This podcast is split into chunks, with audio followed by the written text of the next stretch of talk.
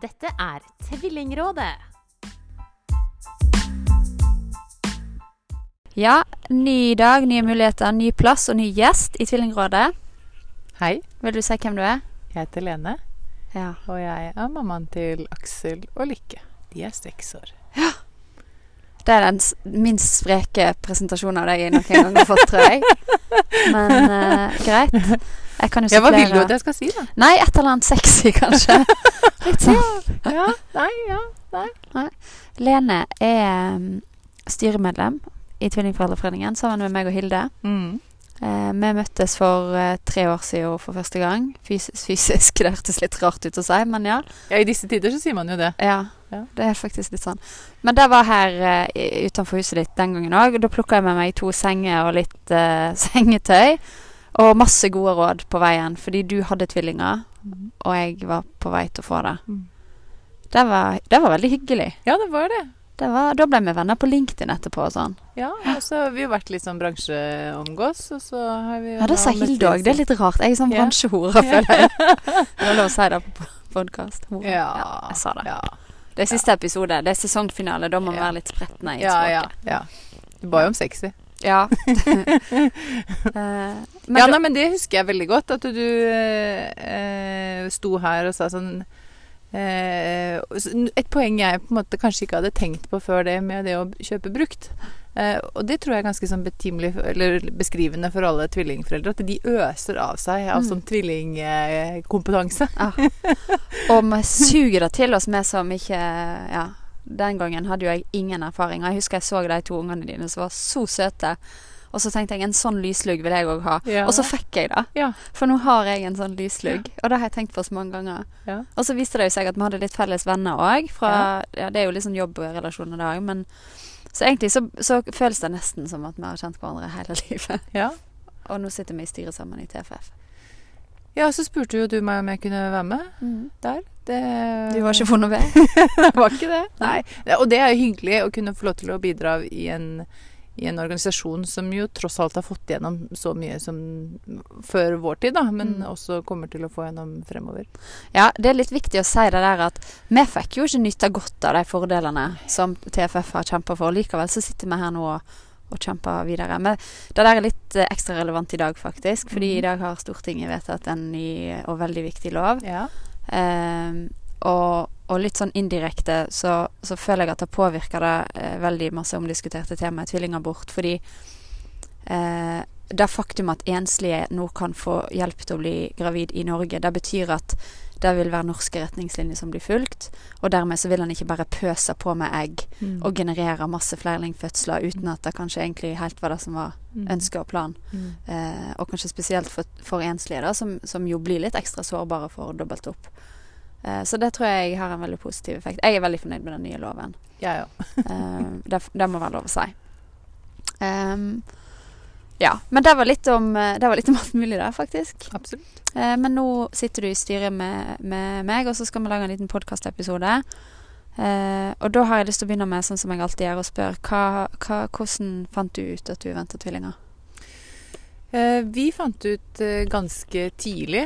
Eh, og det var fordi at disse er resultatet av eh, mange års eh, ønske om å få barn. Og det har vært noen leger involvert. ganske mange leger involvert. Eh, slutta å telle på 60, tror jeg. Ja. Um, sånn at eh, Og så Sendte du takkebrev til alle etter fødselen? Jeg skulle ha gjort det. I would like to thank. uh, og, og da så vi jo noen indikasjoner på noen blodprøver. Og så Mm. husker jeg vi var på tidlig ultralyd eh, rett borti gata her. Eh, og vi var jo veldig spente. Er det én eller to? Eh, og jeg har alltid faktisk sagt at jeg skulle få tvillinger. Ja, det der er så rart. Eh, jeg sa det til Anders da jeg møtte han, at eh, vi får to eller tre barn. Det kommer an på når tvillingene kommer. Hva sa. Anders da? Nei, altså. Og heter han egentlig Anders? Han heter Anders. Det er ikke avklart om vi får lov til å bruke han, så Nei. det er mulig at vi må pipe det over. Ja, men Men i hvert fall han Prøv å heter ikke si navnene så mange ganger, da, for det tar lang tid å pipe. Ja.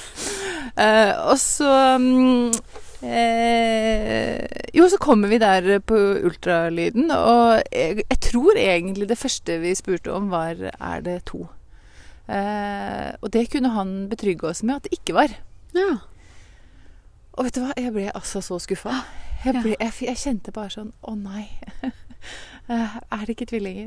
Eh, og så sier han Men vent lite grann. Og så ser han at det er to eh, hjerter som banker.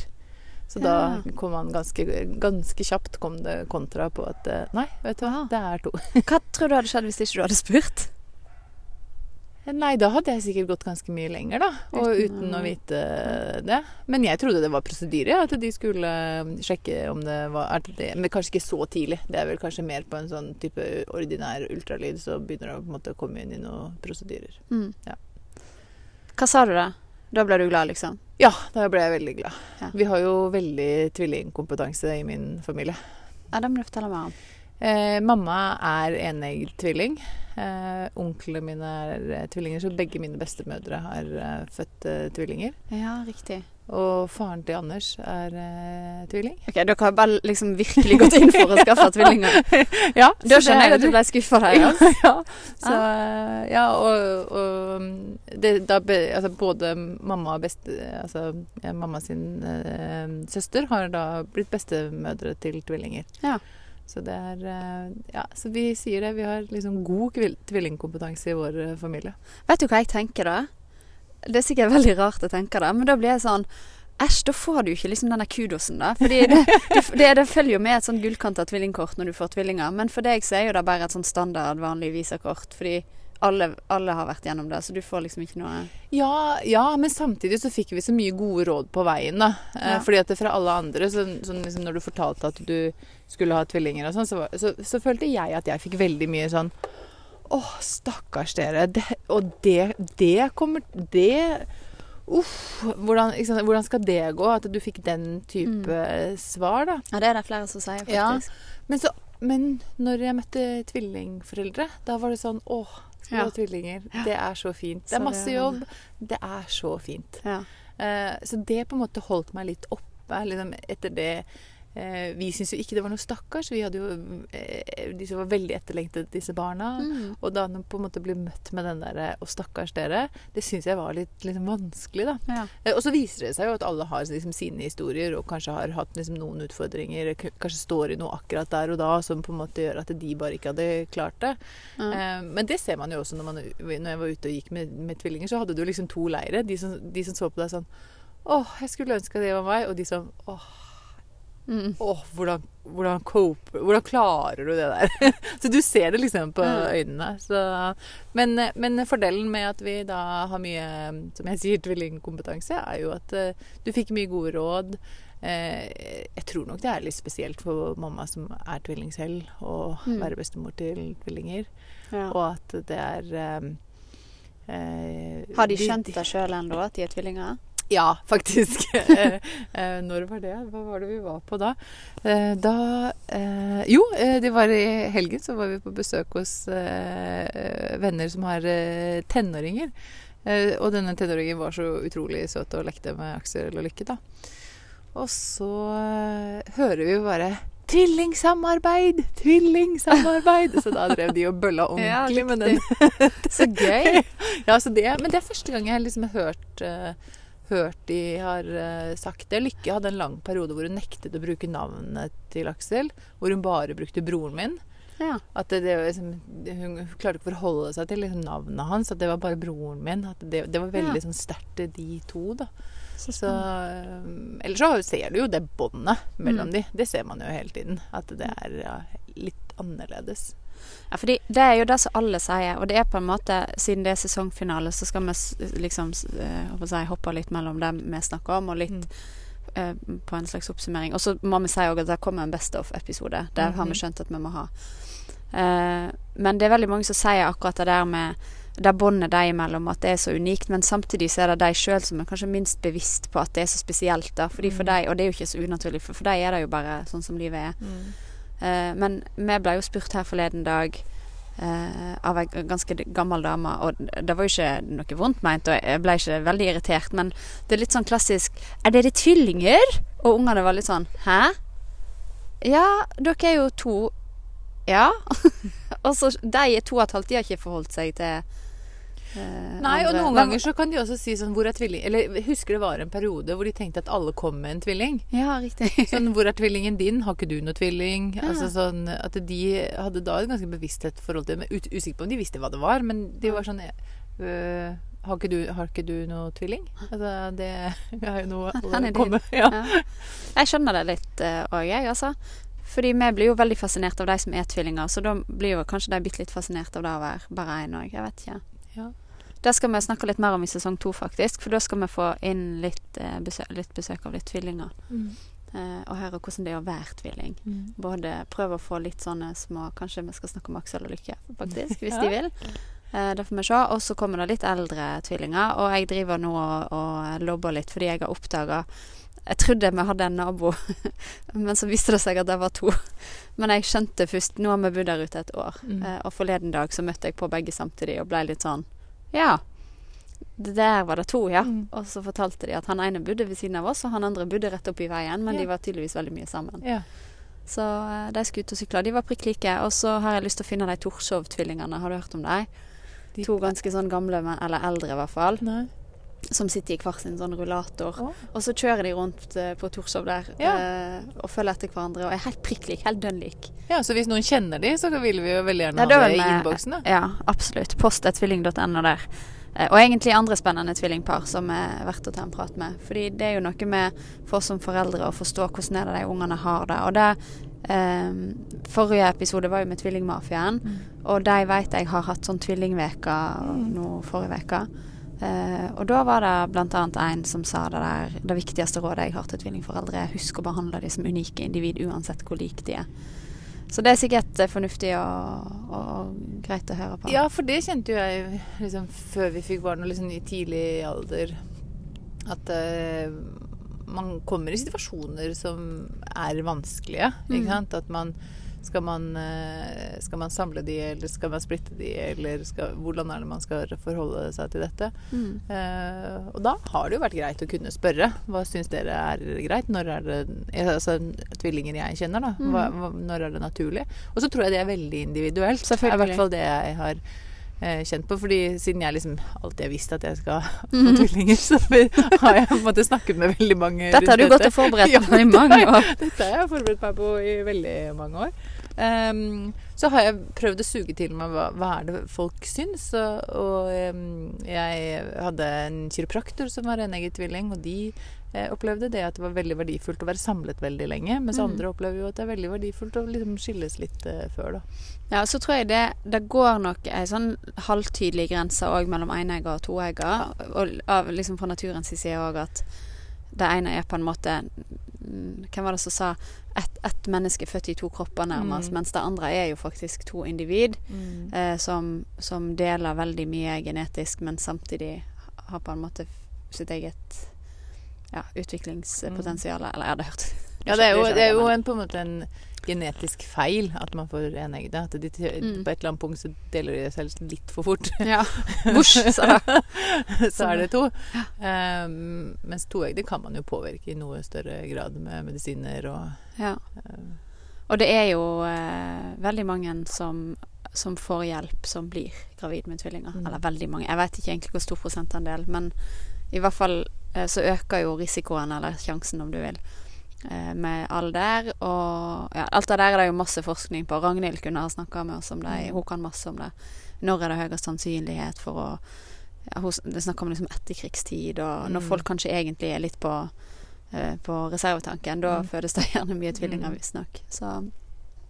Men ja, det er båndet mellom de uansett, tror jeg, enten de er enegger eller toegger, så er de på en måte De er dømt til å tilbringe sjukt masse tid sammen, da, og det må jo gjøre noe med relasjonen. Eh, og det er fint. Og så er det litt spennende med deg, fordi vi har snakka med en del småbarnstvillingforeldre, og du er litt sånn midt imellom, på en måte, for du har akkurat skoleunger, eller de, Mm. de begynte i, på skolen nå i, i fjor høst. Ja. Hvordan var det med skolestart for dere? Uh, nei, det syns jeg var egentlig litt uh, vanskelig. Uh, fordi da kom dette store spørsmålet skal de være sammen eller ikke. Ja, for, hva hadde dere gjort i barnehagen, da? I barnehagen så Vi, vi, eh, eh, vi flytta jo litt disse første årene, så vi var faktisk eh, på tre forskjellige barnehager. Eh, og i alle disse tre barnehagene så var de på samme avdeling. Ja. Um, Var det en trygghet, når dere liksom måtte plukke de ut? At de var to, liksom? Ja, altså første var en veldig liten barnehage, hvor, de var, eh, hvor det var sånn familiebarnehage. Ja. Det i seg selv var veldig trygt, syns jeg. Ja. at, eh, de var, det- at det var veldig begrensa med, med barn der. Um, og og ja, ja, det var vel kanskje det. Og så tror jeg ikke vi tenkte så veldig mye på det, fordi vi flytta Altså Første gangen vi bytta de, var jo for at de ikke kunne gå der lenger. Altså Mm. at det, det, det var en privat barnehage, eller sånn familiebarnehage. Eh, og andre ganger så var det jo fordi du, du flytta. Da tror jeg nettopp at eh, kanskje dessverre at vi var litt for mye inn i egen boble. At det å liksom kjøre på tvers av byen Det var så Mm. lett så bare få flytta de, egentlig. Ja. Um, så så eh, eh, Men ja, det er jo en trygghet at de to alltid er sammen. Mm. At de to eh, får lov til å leke sammen, og at de har med seg noen. Jeg tror liksom de kjenner også på den tryggheten. Mm. Og det sier de faktisk innimellom selv. Ja. Men mamma, vi har jo alltid med oss en venn. Ja. Vi har jo alltid noen. Vi kjenner jo alltid noen. ja. Så det har de litt grann bevissthet på. Det kan hende at vi har planta det i det, men vi, vi Men det er jo ikke en dum ting å plante det heller, tenker jeg. Nei. Og de sier jo at tvillinger er mye mindre utsatt for mobbing nettopp fordi du bøller ikke med to, liksom. Nei. Og det ser jo vi i barnehagen allerede, at hvis noen prøver seg De kan være så sinte på hverandre, men om det kommer inn en tredjepart og skal bølle, da danner de mur, altså. Da er det, hva var det du kalte det? Tvillingsamarbeid? Ja, da er det ja. Ja. Uh, ja, og da blir de jo på en måte eh, Da kan jo de bli bøllene. At Ja, de ja, faktisk. eh, Og de kan bli veldig sånn sterke i det, eller i hvert fall vi så at våre kunne bli det. At de eh, var liksom ikke skyggeredde for de som er litt større enn seg heller. Men hvordan var det? Var deres, eller dine Deres er det jo, det er jo deres. Um, var de veldig tidlig født? Nei. Eh, Du, vet du hva. Eh, graviditeten sånn fra, fra deres ståsted gikk veldig bra. Eh, Nå skal jeg bare, nå avbryter jeg deg, unnskyld, Ja. det er veldig høflig, men nå skal jeg åpne denne. Jeg må bare fortelle dette. At jeg, jeg har altså snakka så mye om Red Bull i Snapchats og på podkaster og i det hele tatt. Og når jeg kom til deg i dag, så hadde du fader meg kjøpt Red Bull til meg. Det var Tusen takk. Skål. Nå kan du få snakke videre om svangerskapet ditt. Ja, så svangerskapet var jo eh, Jeg ble ganske sånn kraftig svangerskapsforgifta på slutten der. Eh, og, når jeg, og så blir det jo tett fulgt opp, og så Mm. ser du jo den kurven. Og, og da var det sånn På et eller annet punkt så sa de sånn ja, De ligger liksom på enlingkurve, og det er ikke så ofte vi ser tvillinger over 3,5 kilo. Nei, så de lå, lå liksom an til det, da. Um, og da kjente jeg at jeg fikk litt sånn hjertebank. Um, Litt sånn hjertebank. men de ble tatt med, med planlagt keisersnitt eh, Ja, hva er det for noe da? De ble tatt eh, 36 Altså fire uker for tidlig. Ja. Eh, veldig planlagt fordi jeg var dårlig. Ja, riktig. Så- Ja, det var samme som oss, da. Men våre var litt mindre, da. Ja. De var to og to og en halv, tror jeg. Ja da, så de var ikke tre og et halv da. Altså. De, da var de eh, to, fem og to, åtte. Ja, ja, men det er jo Ja da, Bra de, størrelse begge, ja, da. da. Så det var greit, det. Ja, fordi grunnen til at jeg spør, for dette vet jeg mange lurer på, så har vi vært litt dårlige på å adressere det, men det der med for tidlig fødsel og utvikling, og jeg vet veldig mange bekymrer seg for at hvis de er tidlig født, og hva som skjer med skolestart, kommer de til å henge etter. Mm. For i barnehagen er det ikke så krise, for det er på en måte så spredt uansett. Mens, mens når du begynner på skolen, så er det da kullet og that's it, og da blir det ofte litt tydelig med deg. Så vi har faktisk fått Prematurforeningen skal komme til oss og snakke litt og, og hjelpe oss å forstå litt mer rundt hva det innebærer å få prematurbarn og, og hva som skjer. Så Men de er født veldig sent på året, da. Ja. Så vi gjorde en vurdering på om vi skulle velge utsatt eh, oppstart, og det tror jeg er en veldig sånn underkommunisert mulighet som foreldre har. ja. Eh, fordi da vi sto i det, faktisk i den barnehagen vi var i, med 60 barn, så Jeg husker ikke hvor mange det var på den avdelingen vi var på, men da var det faktisk fi, tre eller fire foreldrepar som vurderte utsatt oppstart. Ja. Eh, og da når jeg snakket om det eh, rundt det For det første så hadde jeg ikke hørt så mange snakke om det, så jeg valgte en åpenhet eh, rundt det. Eh, og det var mange som ikke hadde eh, De trodde at det var veldig vanskelig. At det var ikke noe som man på en måte det, At det var en lang vei å gå, da. Å få utsatt oppstart. ja, det trodde jeg egentlig òg. Ja. Vi òg har jo Altså, våre er født i november. Da. Ja. Fortell mer om dette. Ja, eh, mens eh, eh, Så det vi gjorde da, var at vi hadde en dialog. Da anbefaler jeg alle å starte litt tidlig på det. Vi Mm. startet nok litt sent, for vi tror jeg startet i mars. Ja. Og da skulle de jo starte i, august, august eh, året etter. Eh, og da er det noe sånn sosiallære fra skolen, og vi hadde noen dialoger. Og, vi, og det er ingen som kommer med helt klare råd. Liksom. Gjør sånn eller sånn. Det er det på en måte ingen. Men man kan på en måte drøfte sammen om Og, og valget er foreldrene sine. Mm. Eh, og i hvert fall i Oslo og her hvor vi er, så er det eh, uttalt at man lytter til foreldrene. Selvfølgelig også med samarbeid. Hvis de er Mm. født i, i januar, så er det jo nok kanskje litt, Ja, litt Med mindre det er andre gode grunner Ja. til det. Eh, mens for oss som gikk litt sånn på alder og født De skulle jo vært født da helt på tampen av nyåret. Mm. Og så ble de tam på, liksom, på gamleåret. Ja, Eh, så. Eh, Det er jo 14 dager om å gjøre. Så hadde de jo vært eh, et, hatt et år til i barnehagen. Ja. Eh, Så det anbefaler jeg liksom de fleste å gjøre. Og det var veldig godt. Nå valgte vi til slutt å starte til normert tid, da. Eh, mm, Men jeg, jeg, jeg vil anbefale alle foreldre liksom ta den runden. Mm. For det er jeg veldig glad for nå, for nå står vi veldig trygt i det valget. Ja, ikke sant. Eh, Og vi merker jo at de er på en måte på slutten av året og liksom mange ting. Og, det, og det, liksom, de begynner tidlig på skolen i seksårsalder, og da er det ganske stort spenn ikke sant? Ja. Eh, i årsmodenhet sånn sett. Og det ser vi jo også på disse to. Mm. At det er stort spenn i deres modenhet også. Så- de to imellom? Ja, Ja. absolutt. Jeg gjetter at det er gutten som er mer moden, eller? Nei da. På enkelte ting. Ja, sant. Det er ikke så veldig mange der, men eh, jeg tror det er veldig gøy. Jeg spurte, jeg spurte han Peter Bubresko i TV 2. Han kom inn på det med at hun dattera hadde bossa litt rundt på, på broren. Og så sier jeg ja, er det sånn hos dere at, at hun er sjefen? Og han bare lo. Ja. Fordi det er Og det er en sånn Det er jo et sånt fenomen, faktisk. Ja.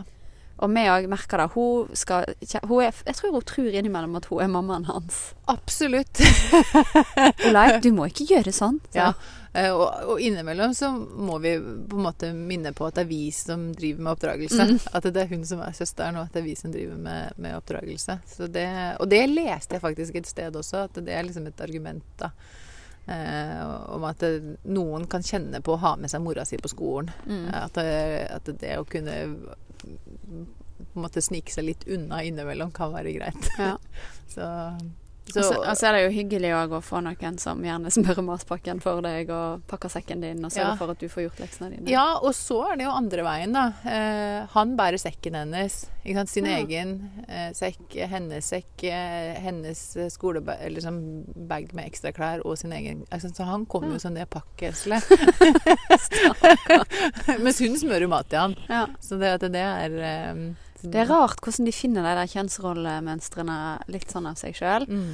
Og det eh, Det er ikke det at vi har diskutert det sånn dritmasse, men det er jo litt fascinerende, for de vokser opp med to mødre i vårt hus, da. Mm. Og så har de jo heldigvis en storebror som er en fin rollemodell, og, og litt folk rundt omkring. Men, eh, men likevel, vi, vi har jo eksponert de for nøyaktig de samme tingene, og det er jo ingen sånne voldsomme, skjeggete mannfolk med store biceps som har traska rundt hjemme hos oss.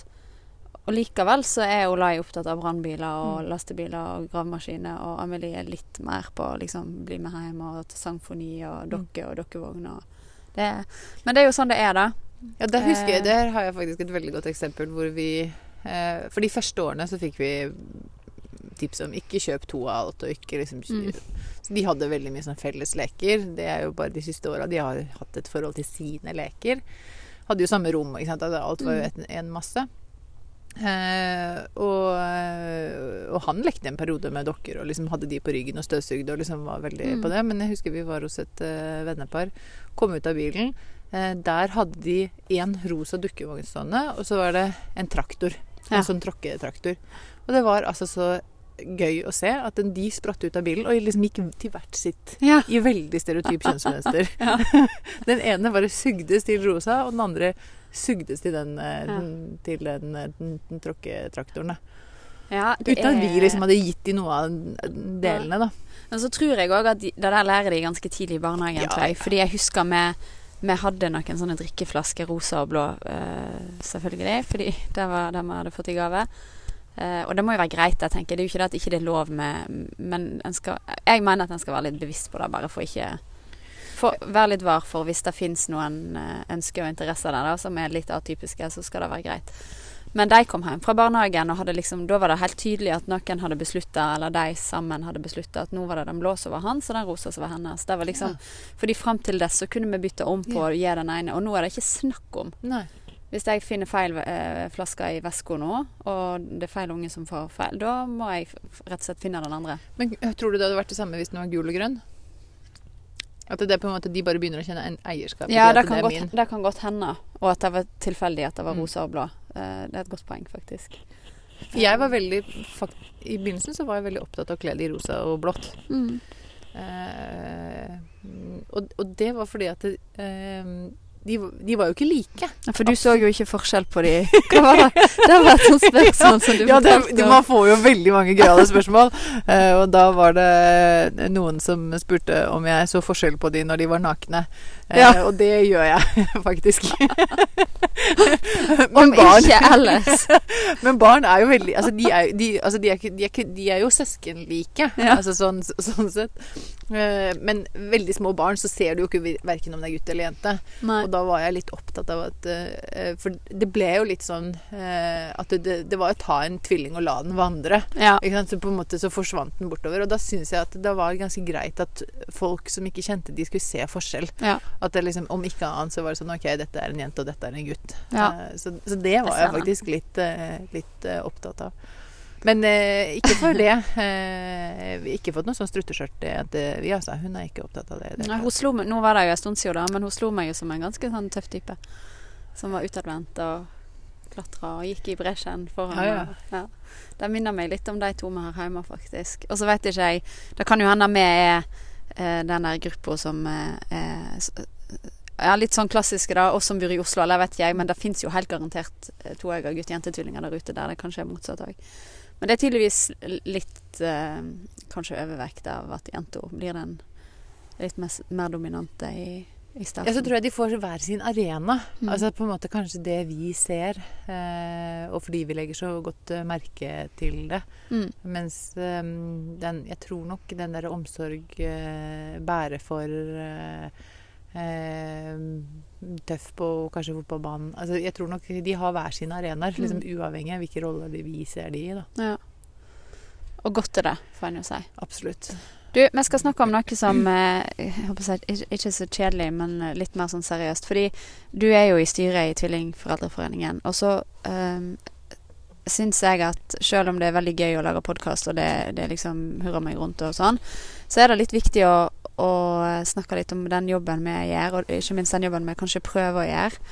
Så jeg har litt lyst til å spørre deg, uh, fordi du nevnte innledningsvis at dette syns du var viktig, og da er det litt sånn hva, hva tror du er det viktigste vi kan gjøre for, for våre medlemmer og, og andre, tvillingforeldre generelt, da? Jeg tror jo at fordi det ikke kommer noe oppskrift med å få barn, Mm. Eh, og kanskje spesielt ikke med å få tvillinger. Det er både på en måte det opplysningsarbeidet som man gjør i helse, altså i førstelinjen på helse Både helsestasjoner, barnehager, skoler etc. Mm. Um, eh, fordi jeg tror de aller fleste kanskje har opplevd eh, utfordringene med at barna blir ugunstig sammenlignet med hverandre. Mm. Eh, at man slår sammen foreldremøte, eller for, sånne foreldresamtaler til å handle om begge barna. Ja. Ja. Em, eller eh, hva når én av barna kanskje trenger mer oppmerksomhet fordi eh, av på en måte personalet. Hva da med å glemme den andre? Mm. altså, jeg tror det, jeg tror det er det viktigste vi gjør eh, sånn på lang sikt. Og så tror jeg jo på for oss tvillingforeldre eh, er det jo også kursene vi har. Eh, Mm. Fødselsforberedende. Jeg var selv på fødselsforberedende kurs med tvillingforeldre. Ja, det tror jeg vi alle har vært på, faktisk, Ja. og har fått mye igjen for. Og så skulle jeg ønske at jeg var på grensesetting. Ja. Og så skulle jeg ønske at jeg var på sammen eller hver for seg. Eh, fordi da vi sto i det, som jeg sa i stad, så var det ingen som på en måte eh, hadde den tvillingdimensjonen. da. For jeg, jeg sier at det er liksom tre dimensjoner i mitt foreldreskap. Det er liksom mammaen til Lykke og mammaen til Aksel, og så er det tvillingskapet. Ja. Eh, som også må tas hen, hensyn til. Eh, og da er det jo veldig ofte dette sammen eller hver for seg det å sette grenser for to stykker samtidig, Mm. eh, som jo er vanskelig. Og så er det helt sikkert også mange andre temaer, som tvillinger og søvn. Det er mange på en måte temaer som ja det er et eh, Det merker jeg når jeg snapper for tvillingmafiaen. Herregud, så masse Jeg skjønner jo at folk er opptatt av det, for søvn er jo liksom dollar nesten i, i valuta sånn sett når du er forelder. Men, men Og det er jo ingen fasit, men men det òg tenker jeg at vi skal enten skaffe oss mer kompetanse, eller liksom eh, Enten at vi sjøl utvikler oss og, og kan snakke mer om det Mm. på en litt proff måte, da, ikke Mm. bare basert på erfaring. Fordi det er det veldig veldig mange tvillingforeldre som Ikke fordi de nødvendigvis sliter, men bare sånn tips og triks oppi ermet. Og, og hva kan en gjøre, og hva er Ja, det tror jeg vi skal Og så har jeg vært veldig opptatt av, bare for å legge til da, den lista, eh, det der med, med permisjonsrettigheter. Fordi det er jo fortsatt sånn at du får to barn, men du får ikke permisjon for to. Mm. Eh, og selv om det har blitt veldig mye bedre, så er det jo noe med at vi må jobbe for at tvillingforeldre faktisk forstår at den rettigheten ikke nødvendigvis har kommet for å bli hvis ikke vi forvalter den godt nok. Så vi må bruke de fellesvekene sammen, og, Mm. og ikke drive og forlenge den ene partens permisjon i, i det uendelige. Fordi da forsvinner litt av poenget med det vekk. Og da kan vi risikere at det forsvinner. Og det andre er jo at den faktisk eh, Ja, sånn som sånn Hilde sa da i starten, bruk litt tid, sett rutine. Men, men begge ungene fortjener jo faktisk å ha eh, dobbelt sett med armer, eller et, et eget Ja, sett så vet man egentlig aldri når det er vanskeligst. Nei. I, I begynnelsen vi fikk soveunger, så det, altså jeg var sjuk, så det var på en måte vanskelig oppi det hele. Mm. Men de sov, og så skal jo jeg si at mest sannsynlig så har jeg fortrengt mye av det, for jeg snakket med Det sier alle. Som, ja, som sa sånn Men Lene, husker du ikke jeg var hos deg og hadde nattevåk og sånn? Nei, det husker jeg faktisk ikke. Jeg bare vet at du har vært og hjulpet meg veldig Mm. mye. Så, øh, og så var vi heldige, for vi pga. noen jobbbytter og sånn, så var jo Anders hjemme nesten seks måneder. Mm. Og det, og det var gull verdt, fordi du vet ikke når det er, eh, du er vanskelig. vanskelig. Nå kom det en gøyal lyd her. Dette er sånn uh, en podkast uh, verts mareritt. Nå begynte naboen å saga. Mm -hmm. Men, men jeg tror det skal gå bra, altså. Det høres ut som han tok hintet. Uh, men det er gøy du nevner det der med, med den eh, at du har fortrengt det. Fordi jeg har jo Marte har jo en 14-åring fra før. Som jeg har vært med på fra han var åtte, men jeg var jo ikke med på den første tida. Og hun påstår jo liksom hardnakka at Oliver sov, og han var liksom den drømmeungen. Eh, men hun blir jo liksom med ujevne mellomrom minnet på av venner og familie at uh, det der er ikke helt sånn som du husker det. Fordi du glemmer det, og det gjør du tydeligvis med både én og med to. Og håpet er jo at en del av de nettene og, og dagene med Red Bull, får jeg jo si Nå er ikke det søvn som eh, Nå har det bare blitt en last, men eh, det er kanskje greit òg at vi glemmer det litt. Det var som jeg sa i en annen episode, at eh, du rekker i hvert fall heldigvis å bli akkurat nok glad i de til at når de begynner å herje på nettene, så, så kaster du de ikke ut vinduet. Nei, så tror jeg jo også, er ikke det litt sånn naturens gang, at du skal ikke huske det. For da hadde på en måte alle vært enebarn. Mm. Hvis det ikke Bortsett fra tvillinger. Ja. Så nei. Ja, da, jeg blir jo imponert da over sånne som Ragnhild og Kristin Skogen Lund, som bare gønner på med et par til, liksom. Uh, men som de begge sa vel, at det, var, det er jo det eneste de kjenner. Så Ja. du vet i hvert fall hva du får, da. Men jeg må jo si, nå skal ikke vi ha noen flere, men den der følelsen av å liksom få den ene babyen og bare gå og dulle hjemme, og gå på babysvømming, og det virker veldig sånn forlokkende, egentlig, men uh, jeg gidder ikke. Ja, det å kunne gi én oppmerksomhet hele tiden. For det må jeg si, det, det, i, den, i begynnelsen der så føltes det kanskje mer ut som en fabrikk, noe sånn industrielt. Eh, sånn Vi hadde flaskeunger. Skrive opp hvor mye de fikk. 24 flasker i døgnet fordi at du skulle hatt annenhver time med Mm. mating. Det er jo klart at det eh, Og mating tok vel Hva gjorde det da? 45 minutter eller noe sånt? nå i Den deilige småbarnsfasen. Eh, og, det jo og, det- er jo en annen type på en måte slitsomt. Mm. Eh, så mange spør liksom hvem er den mest slitsomme fasen. Nei, jeg tror nok kanskje den siste fasen er den, liksom, den du husker. Ja, den, den, den du husker. siste slitsomme, det er den du husker. ja. Eh, for nå er vi jo i en sånn disk, som, hvor man tester ut det å forhandle, det å diskutere. Ja.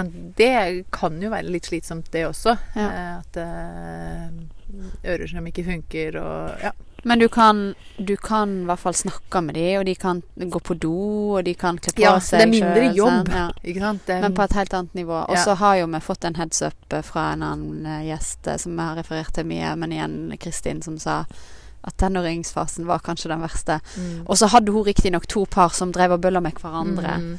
Så Men ja, jeg ser jo med skrekk og gru på, på, på liksom hvordan skal vi hvordan skal vi Når de er så trassige nå, hvordan skal vi da klare den fasen? Men det går vel bra. Sikkert det er det samme. Vet du. Det kan hende at de Oi, gud, nå skvatt jeg. Nå kom katten din.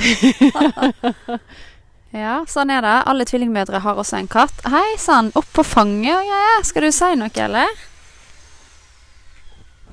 Snuser på mikrofonen. Det var stas.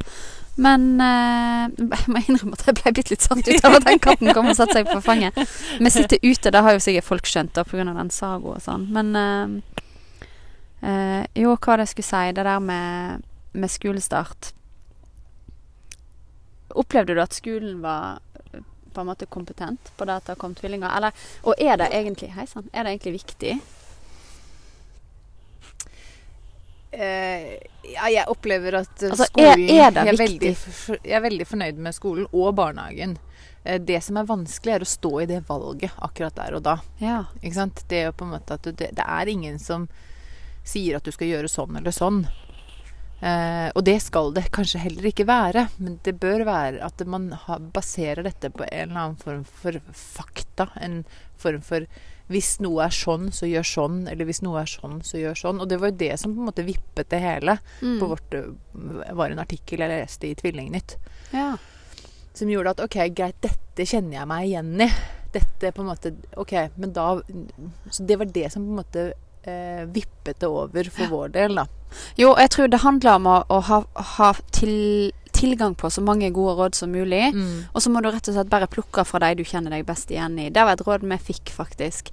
Eh, Men vi fikk ikke noe råd sånn, sånn fra, fra, fra eh, barnehage eller eh, nå, Nei, nå trenger jeg ikke det. Nei. Jeg mente ikke at det trengte å være et råd i, i nødvendigvis, men at du, at du får tilgang på så masse informasjon og så mange refleksjoner rundt Mm. temaet som overhodet mulig, og så må du bare gå for det som lander i deg, på en måte. Det tror jeg Det er i hvert fall min filosofi.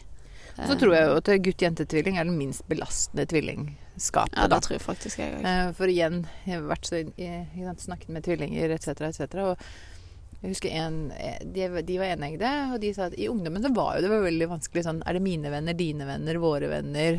Mm. Eh, liksom, den type problemstillinger som en gutt-jente ikke får, da. Mm. Og, og og, det- og kjenner de egentlig meg, eller kjenner de meg bare som en del av den der symbiosen? Så, så liksom nå kan jeg på en måte Folk jeg, eller da som var i barnehagen, eh, de kunne jo ha kjent oss ganske lenge før de var sånn Å ja, ja, så de er tvillinger, ja. Ja. Ja, ikke sant? Så at det, det på en måte kom ikke så tydelig frem nødvendigvis, da. Så, men men igjen, der er det jo også liksom Folk blir jo da eh, skal jeg ha, Hvis eh, jeg inviterer en av de hjem, skal jeg invitere begge hjem? Mm. Hva med bursdager? Hvis de har felles bursdager, skal begge få bursdagsgave, eller skal en av de få Så det er mange, mange ting som kanskje omgivelsene også litt lurer på. Ja. Kanskje vi skal satse litt på det òg, faktisk. Og bli litt bedre på, på, eh, på generelt Altså ikke bare tvillingene, fra tvillingene sitt ståsted, men, men som du sier, klassen. Hvordan er det greit å gjøre det med Det er litt sånn som du forbereder jo søsken på at de skal få tvillinger. Ja, ja. Og kanskje, kanskje en burde forberede Vi holder jo kurs for barnehager, men i Mm. større grad. Kanskje det er der vi skal gå. Um, det er masse vi kan gjøre, og der òg for all del send oss tips og ideer. Fordi vi ønsker jo å være en forening som skal, som skal gjøre det lettere å være tvillingforeldre. Mm. Fordi at i forlengelsen av det så vil det være lettere å være tvilling. Mm. Uh, og dette tror vi jo på at vi kan være med å påvirke. I tillegg til all den helseinformasjonen som er rent sånn Altså med tanke på svangerskap og alle dem som er helt unikt. Ja, for i begynnelsen så sa jeg at eh, når folk spurte sånn Ja, skal du ha flere barn? Så er jeg sånn Jeg syns ikke det er så vanskelig å ha tvillinger. Jeg syns det er vanskeligere å få de. Altså, jeg Mm. syns jo svangerskapet var tungt, og det var mye Ja. bekymringer og um, Ja, så det, det syns jeg på en måte det, i begynnelsen var Det syns jeg var vanskelig. Det tror jeg mange som Du blir stor, og du Det er mye greier, da. Mm. Ja, det sa jo også han eh, Torbjørn Bruksten, han fødselslegen, at det, altså det er, jo, det er jo risikosvangerskap, og bare fordi at det går veldig bra veldig ofte i Norge, så betyr det ikke at ikke det er veldig mange der ute som eh, som Altså, må gjennom en del mer eh, merkelige eller ja, u, u, uvanlige ting sammenlignet med vanlige enlingssvangerskap, da. Så Hva er det katten er på jakt etter? Nei, nå- er det noe fugler, vet du. Han setter sett en fugl. Men eh, det var en ting jeg skulle spørre om før vi begynte å runde av. Eh, men nå, den katten den vippa meg helt ut. Kommer du på hva jeg skulle si? Nei, jeg vet ikke om du skal spørre meg om jeg har noen tips eller life hacks. Jo, det skal jeg selvfølgelig. Det er helt til Er det slutt, er det dit vi har kommet? Er det Ja, vi men det var en sånn greie jeg skulle touche innom, som jeg hadde Og så kom katten, og den sa god litt sånn. Men vi kan ta life hacks først, så kommer jeg sikkert på det. Jeg har jo etter hvert uh, opparbeida meg flere life hacks. eh, blant annet et eh, godt tips som jeg er veldig fornøyd med, det er jo at eh, liksom av naturlige grunner så drar man jo liksom sjelden med seg liksom to unger inn i butikker og sånn. Ja. Men eh, det har jo og, jeg, og det utsatte jeg til det lengste i lekebutikk. Ja. Eh, jeg bare så på det som et sånt mareritt som jeg bare visste ikke helt hvordan jeg skulle komme rundt. Eh, og da, første gangen vi måtte det, så var det vel på en lørdag, tror jeg. Og så kom jeg på den geniale ideen om at eh, de kan få lov til å ta bilder av tre ting hver. ja. Og sette på ikke sant? Vi skal ikke kjøpe noe, men dere kan få lov til å sette noe på en form for ønskeliste.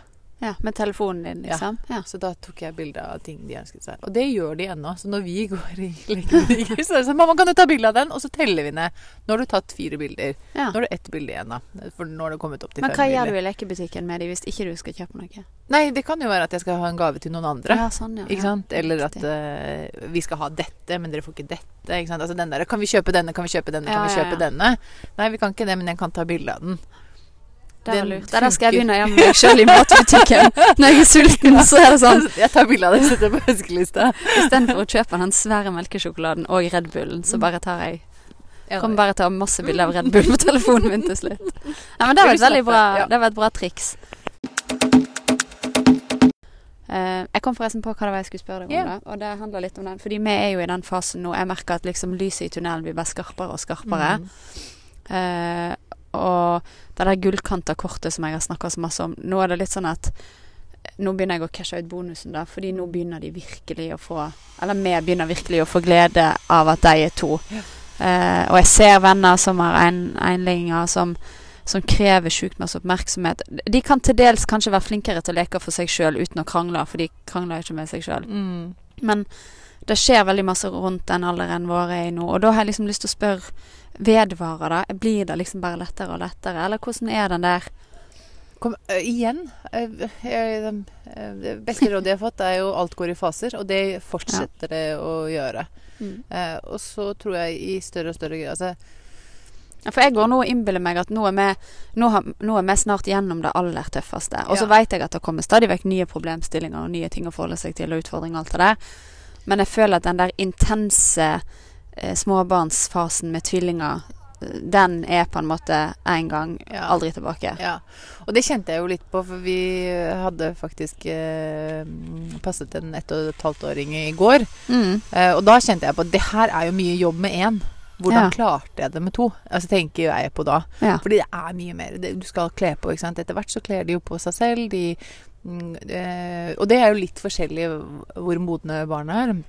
Hvor lang tid det tar. Mm. Men, men da får man eh, igjen andre typer problemstillinger. Ikke sant? Eh, overgangen fra barnehage til skole kan være stor. mm. Eh, det, den, det var ingen som fortalte meg at seksårsalderen skulle være såpass tøff som det han er. Nei.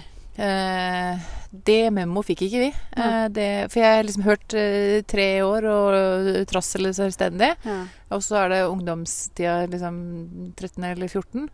Det var ingen som sa noe om seks år. Jeg snakka med ei, ei Hun har riktignok tre einlinger, da, men de er ganske tett i alder. Og hun sa også at alle hadde vært liksom som en drøm, helt til de ble fem. Da skjedde det et sånt tyrannskifte. som De ble helt sånn ko-ko.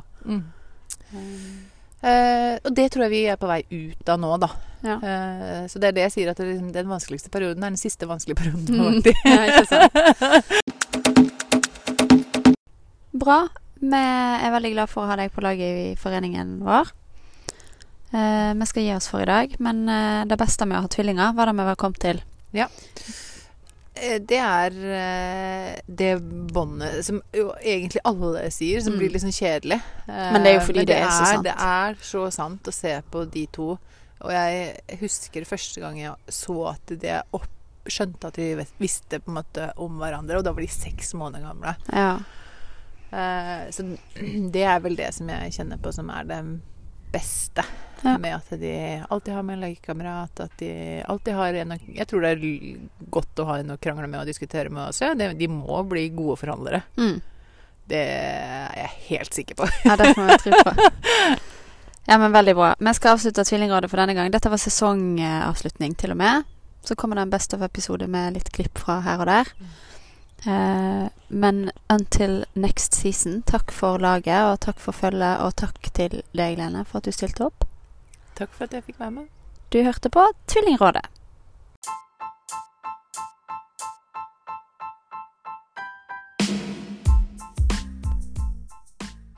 Du hørte på Tvillingrådet.